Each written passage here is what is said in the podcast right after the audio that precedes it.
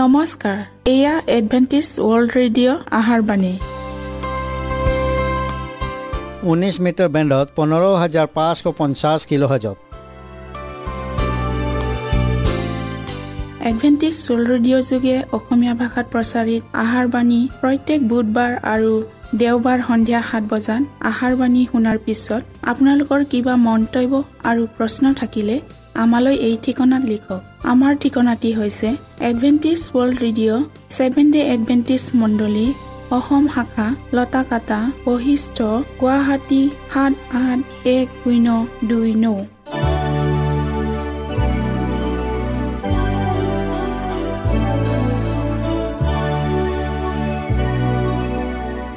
প্ৰিয় শ্ৰোতা বন্ধুসকল এতিয়া শুনো আহক এটি খ্ৰীষ্টীয় ধৰ্মীয় গীত।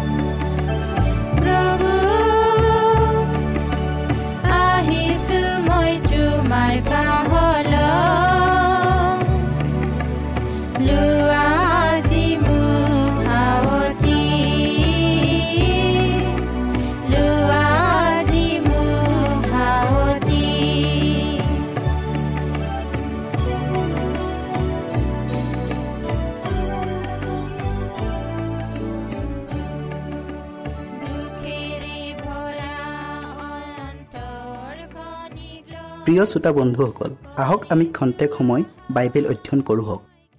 যোৱাবাৰ আমি ধৰ্মধামৰ সূচীকৰণৰ বিষয়ে অধ্যয়ন কৰিলোঁ। আজি আমি স্বৰ্গীয় ধৰ্মধামৰ পৰা দিয়া পৰামৰ্শৰ বিষয়ে অধ্যয়ন কৰোঁ হওক।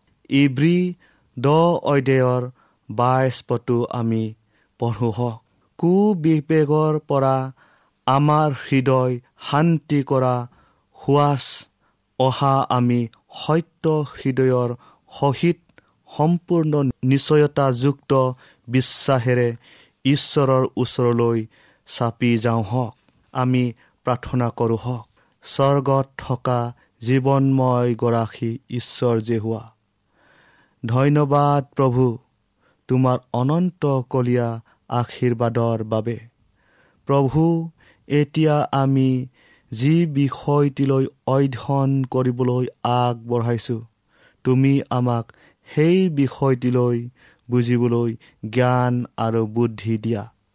প্ৰত্যেক শ্ৰোতাৰ লগত তুমি পবিত্ৰ আত্মাৰ যোগেদি থাকিবা আৰু হৃদয় স্পৰ্শ কৰি দিবা। যীশুৰ নামত খুজিলোঁ আমেন।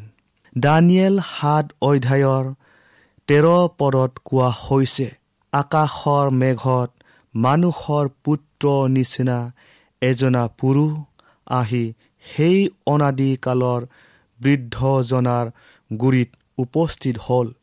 সেইজনাৰ আগলৈ তেওঁক অনা হ'ল। কৃষ্টৰ অহাৰ বিষয়ে ইয়াত যি বৰ্ণনা দিয়া হৈছে সেয়া পৃথিৱীলৈ অহা তেওঁৰ দ্বিতীয় আগমন নহয়।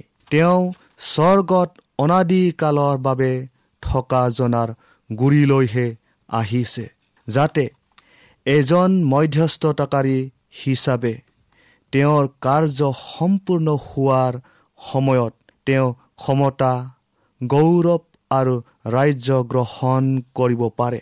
এয়া তেওঁ পৃথিৱীলৈ অহাৰ দ্বিতীয় আগমনৰ নহয় কিন্তু সেই অহাটোহে যাক দুই হাজাৰ তিনিশ দিনৰ ভাৱবাণী অন্ত পৰাৰ সময়ত অৰ্থাৎ ওঠৰশ চৌৰাল্লিছ খ্ৰীষ্টাব্দত হ'বলগীয়া ভৱিষ্যতবাণী উল্লেখ কৰা হৈছে।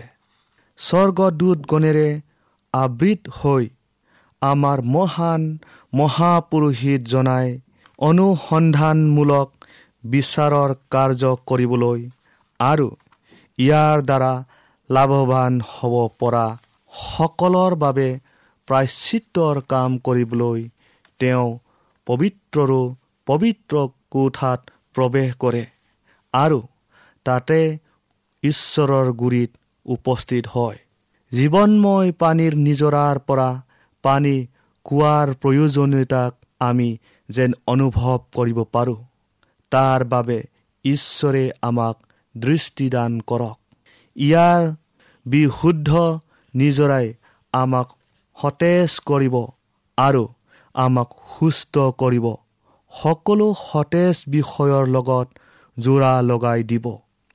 অ' মাত্ৰ ঈশ্বৰৰ আত্মাৰ দ্বাৰাই হৃদয়বোৰ পৰিচালিত হোৱা হ'লে কেনে ভাল আছিল? আমাৰ চকুৱে যদি কেৱল ঈশ্বৰৰ মহিমাকহে দেখাহেঁতেন কেনে ভাল আছিল? তেতিয়া আমাৰ জীৱনত স্বৰ্গীয় পোহৰ কিমান অধিক পৰিমাণে পৰিলেহেঁতেন। তেওঁৱে সেইজনা যিজনাই এনে কথা কয় যাক পৃথিৱীৰ কোনো শিক্ষাবিদে কেতিয়াও ক'বলৈ সমৰ্থ হোৱা নাই। তেওঁৰ পুনৰুত্থানৰ পাছত সেই ইমানুৱেলৈ যোৱা নিসহায় আৰু নিৰাশাত ভুগি থকা শিষ্য দুজনৰ বাবে আৰু ভয়ত ম্ৰিয়মান হৈ ওপৰ কোঠালিত গোট খাই থকা সেই শিষ্যসকলৰ বাবে তেওঁ এজন শিক্ষাবিদ হিচাপে পৰামৰ্শ দান কৰিছিল। তেওঁৰ বিষয়ে লিখা থকা শাস্ত্ৰৰ পথবোৰ তেওঁ সিহঁতৰ আগত পঢ়িয়াই দেখুৱাইছিল আৰু সিহঁতৰ অন্তৰত এটা পবিত্ৰ নতুন শুদ্ধ আশা আৰু আনন্দৰ ভাৱ জগাই দিছিল। পবিত্ৰৰো পবিত্ৰ কোটাৰ পৰাই সকলো সুপৰামৰ্শ নীতি নিৰ্দেশনাবোৰ আহি আছে যাতে সকলো কাৰ্য সুচাৰুৰূপে সম্পাদিত হয়। ঈশ্বৰৰ দূতগণে মানুহৰ লগত যোগাযোগ স্থাপন কৰি আছে। কৃষ্টয়ো ধৰ্মধামত নিজ কাৰ্য কৰি আছে। এতিয়া তেওঁ ধৰ্মধামত থকা সময়ত আমি তেওঁক যেনেদৰে অনুসৰণ কৰিব লাগিছিল এতিয়াও তেনে কৰা নাই। কৃষ্ট আৰু স্বৰ্গদূতগণে মানুহৰ সন্তানৰ হৃদয়ত কাম কৰে। উচ্চ মানদণ্ডৰ মণ্ডলীয়ে নিম্ন মানদণ্ডৰ মণ্ডলীৰ লগত মিত্ৰতা স্থাপন কৰি পৃথিৱীৰ ওপৰত এটা উত্তম যুদ্ধৰ আখৰা কৰিছে। কৃষ্টই স্বৰ্গত ধৰ্মধাম সূচী কৰি থকা কাৰ্যৰ লগত সংগতি ৰাখি আমিও এই পৃথিৱীতে নিজৰ ধৰ্মধামটো অৰ্থাৎ আমাৰ শৰীৰটোক মনটোক আৰু প্ৰাণটোক সূচী কৰিবই লাগিব।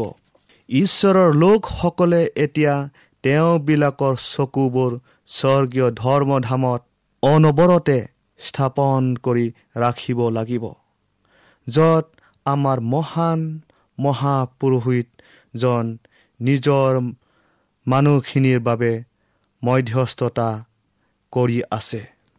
প্ৰকাশিত বাক্য তিনি অধ্যায়ৰ তিনি পদটো আমি পঢ়োঁ হওক। এতেকে তুমি কেনেকৈ গ্ৰহণ কৰিলা আৰু শুনিলা? তাক সোঁৱৰণ কৰি পালন কৰা। আৰু মন পালোতোৱা কাৰণ তুমি যদি জাগৃত নোহোৱা তেন্তে মই চোৰৰ নিচিনাকৈ যাম আৰু কোন পৰত তোমাৰ তাত উপস্থিত হ'ম তাক তুমি নাজানিবা। সোধ বিচাৰৰ দিন ধাৰ্য কৰাৰ সময়ত ওঠৰশ চৌৰাল্লিছ খ্ৰীষ্টাব্দত দুই হাজাৰ তিনিশ দিনৰ অন্ত পৰাৰ সময়ত অনুসন্ধানৰ কাৰ্য আৰু পাপ মোচনৰ কাৰ্য আৰম্ভ হৈছিল। যিসকলে এবাৰ হ'লেও কৃষ্টৰ নাম লৈছিল তেওঁবিলাকক পুনমূল্যান্ধন কৰি থকা হৈছে। জীৱন্ত আৰু মৃত্যু উভয়কে বিচাৰ কৰা হ'ব। সেই পুস্তকবোৰত লিখা মতে নিজ নিজ কৰ্ম অনুসাৰে সোধ বিচাৰ কৰা হ'ব। বিচাৰকে এইদৰে কৈছে সকলোকে নিজৰ নিজৰ দ্বাৰাই দোষৰ পৰা মুক্ত কৰা হ'ব অথবা দোষী সাব্যস্ত কৰা হ'ব আৰু নিজৰ নিজৰ কৰ্মৰ দ্বাৰাই বিচাৰ নিষ্পত্তি কৰা হ'ব। যি পাপৰ বাবে অনুতাপ কৰা হোৱা নাই আৰু সেই পাপক পৰিত্যাগো কৰা হোৱা নাই তেনে পাপক ক্ষমা কৰা নহ'ব আৰু লিপিবদ্ধ ৰখা পুস্তকৰ পৰাও মুচি পেলোৱা নহ'ব। কিন্তু ঈশ্বৰৰ মহাদিনৰ পাপীজনৰ অহিতে সাক্ষী দিবলৈ থিয় হ'ব। মানুহৰ ওপৰত প্ৰভুক্ত বিস্তাৰ কৰিব বিচৰা অনেক অসৎ প্ৰৱণতাবোৰক দমন কৰিবলৈ আন্তৰিকতা পূৰ্ণ সংগ্ৰামৰ প্ৰয়োজন হয়। প্ৰস্তুতিৰ কাৰ্য সম্পাদন কৰাটো ব্যক্তিগত কাৰ্য। আমি দলবদ্ধভাৱে থাকি পৰিত্ৰাণ লাভ নকৰোঁ। এজন মানুহৰ শুদ্ধতা আৰু ভক্তিৰ বাবে আন এজনক বচাব নোৱাৰিব।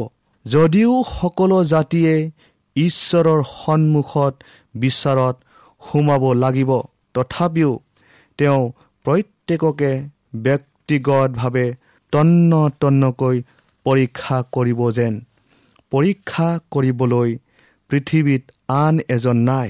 প্ৰত্যেকজন ব্যক্তিকে পৰীক্ষা কৰা হ'ব। আৰু ব্যক্তিজনৰ গাত কোনো দাগ বা সুতুৰা মুতুৰা নাইবা তেনেধৰণৰ আন একো পাব নালাগিব। ধৰ্মধামত এতিয়া এনে বিচাৰ চলিয়েই আছে। বহু বছৰ ধৰি এই কাৰ্য চলি আছে। অতি সোনকালে কোনেও নাজানে কিমান সোনকালে জীৱন্তবিলাকৰ মোকৰ্দমা বিচাৰ কৰা হ'ব। ঈশ্বৰৰ উপস্থিতিৰ ভয়ংকৰ সময়ত আমাৰ জীৱনবোৰক পোন নিৰীক্ষণ কৰা হ'ব। এই সময়ত প্ৰতিজনৰ জীৱনে ত্ৰাণকৰ্তা জনাৰ পৰামৰ্শ প্ৰতি মনোযোগ দিবলৈ সুন্দৰ সুযোগ পাব। প্ৰিয়সকল মাৰ্ক তেৰ অধ্যায় তেত্ৰিছ পদত কৈছে যে তুমি পৰ দি প্ৰাৰ্থনা কৰা। কিয়নো সেই কাল কেতিয়া হ'ব তাত তোমালোকে নাজানা। আৰু প্ৰকাশিত বাক্য তিন অধ্যায়ৰ তিন পদত কোৱা হৈছে যে তুমি যদি জাগৃত নোহোৱা তেন্তে মই চোৰৰ নিচিনাকৈ যাম আৰু কোন পৰত তোমাৰ তাত উপস্থিত হ'ম তাক তুমি নাজানিবা। প্ৰিয়সকল মই আশা কৰোঁ যে আপোনালোকেও সুদ বিশ্বাৰৰ আগতে নিজকে জীৱন পুস্তকত নাম ভৰ্তি কৰিবৰ নিমিত্তে আদৰ আৰু যুগুত কৰিব বুলি।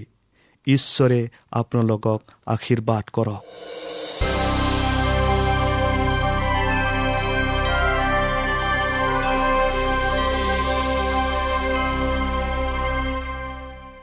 আজিৰ আমাৰ বিষয়টি হ'ল তিনিজন স্বৰ্গদূতৰ বাণী। বাইবেল পতি লোৱা হৈছে মলাখী চাৰি অধ্যায়ৰ পাঁচ পথ চোৱা জিহুৱাৰ সেই মহৎ আৰু ভয়ানক দিন অহাৰ আগেয়ে মই তোমালোকৰ ওচৰলৈ এলিয়া ভাৱবাদীক পঠাম।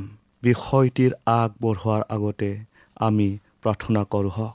সেই সৰ্বশক্তিমান প্ৰভু আকাশত উৰি উৰি ঘোষণা কৰা। সেই তিনিজন স্বৰ্গদূতেনো কিষক বুজাই তাক বুজিবলৈ জ্ঞান দিয়া। আৰু অন্তিম দিনৰ অৰ্থে সাজু হৈ থাকিবলৈ আমাক সহায় কৰা।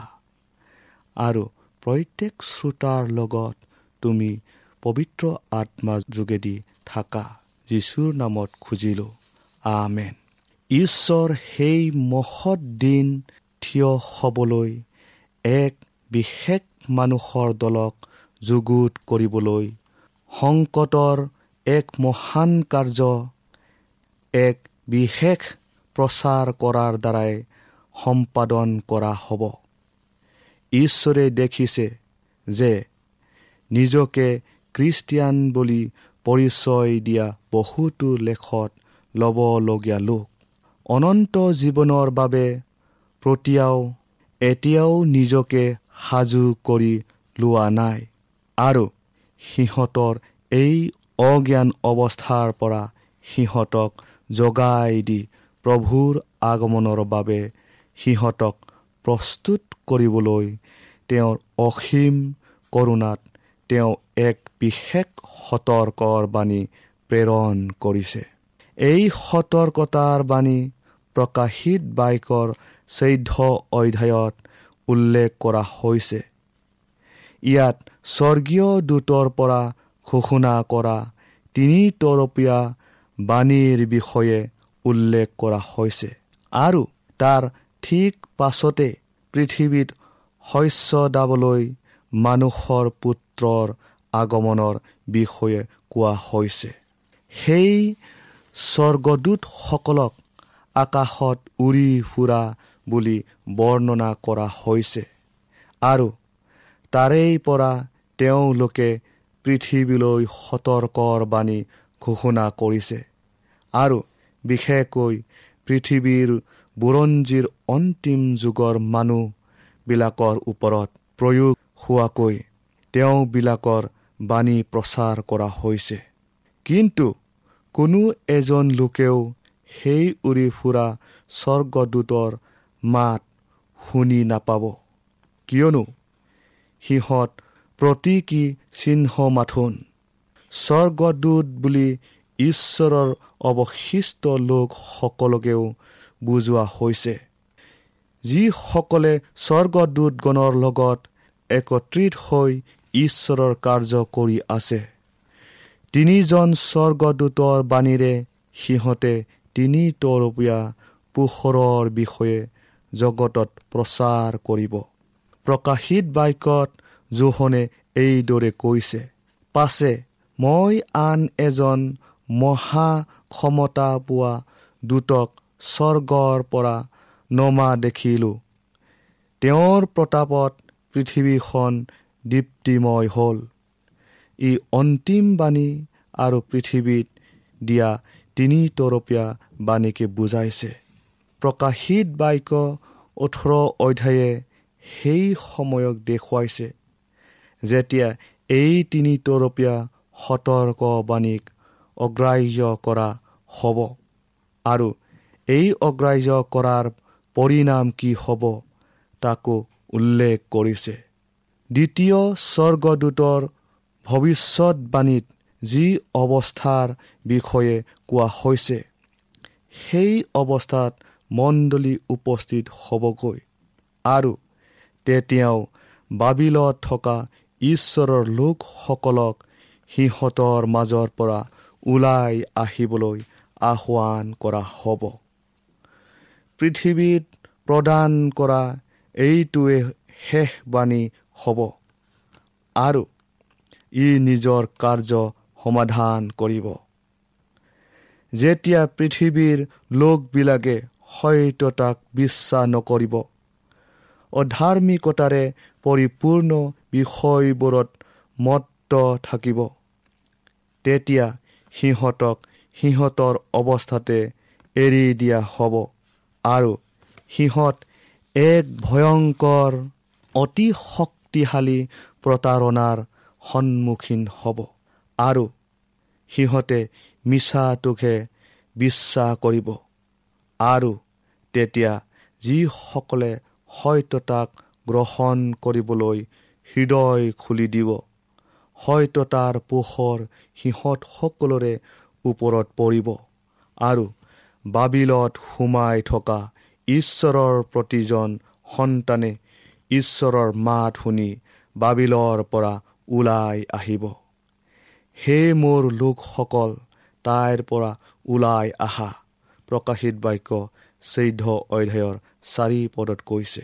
প্ৰিয় শ্ৰোতাসকল এই তিনিজন দূতৰ তিনিতৰপীয়া বাণী মানুহবিলাকে গ্ৰাহ্য বা অগ্ৰাহ্য কৰাৰ সিদ্ধান্ত লোৱাৰ সময়তে অতি সোনকালে দেশসমূহৰ মাজত অতি সুখজনক পৰিস্থিতি দেখা দিব।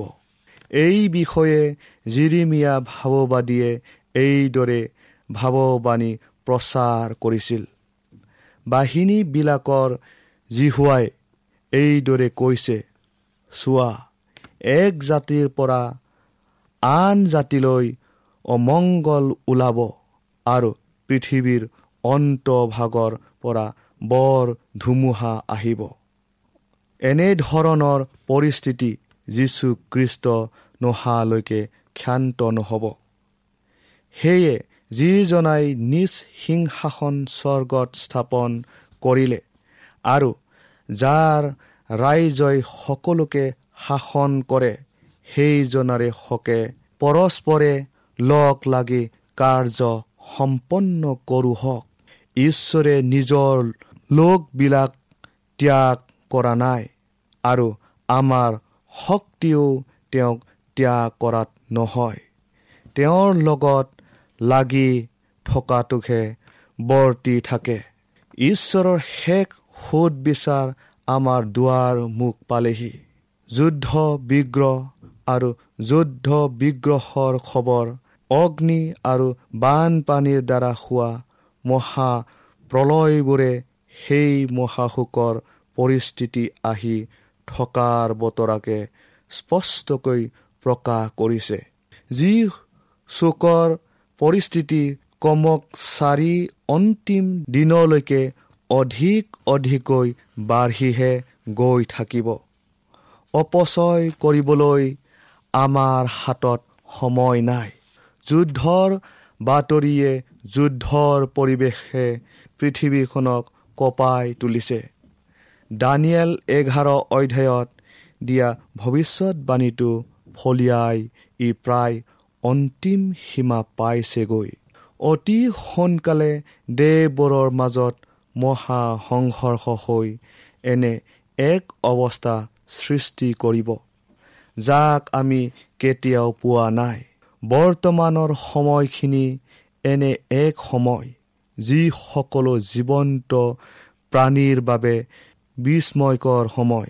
শাসক আৰু ৰাজনীতিও পণ্ডিত যিসকলে বিশ্বাস আৰু ক্ষমতাৰ উচ্চ আসনবোৰ অধিকাৰ কৰি আছে আৰু সকলো শ্ৰেণীৰ সাধাৰণ নৰ নাৰী সকলোৰে দৃষ্টি আমাৰ সন্মুখত ঘটিবলগীয়া ঘটনাৰ ওপৰত নিবদ্ধ হৈ আছে।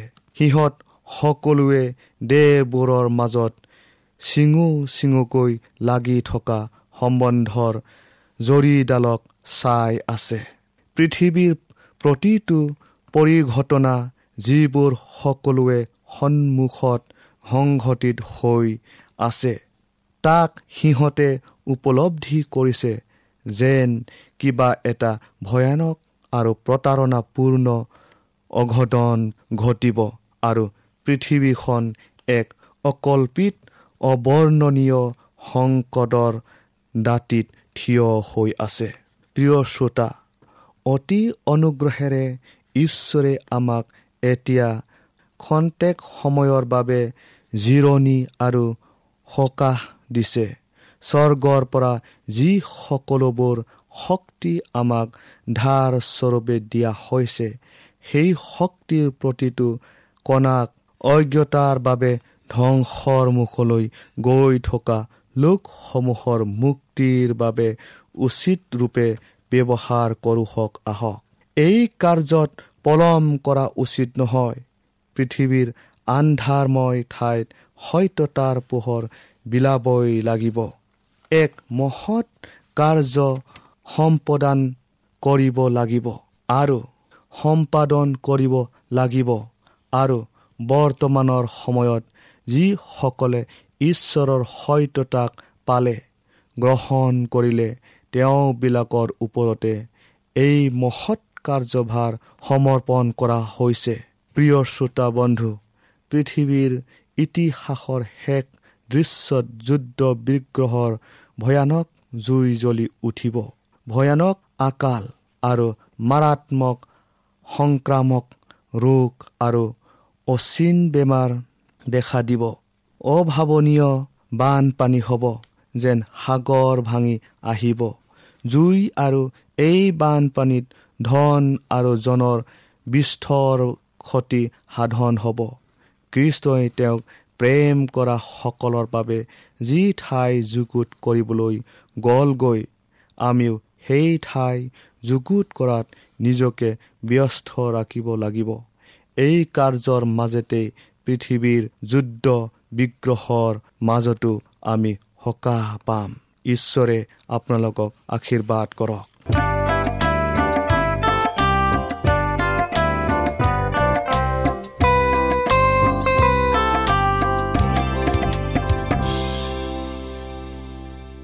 মনত ৰাখিব আমাৰ ঠিকনাটি পুনৰ কৈ দিছোঁ।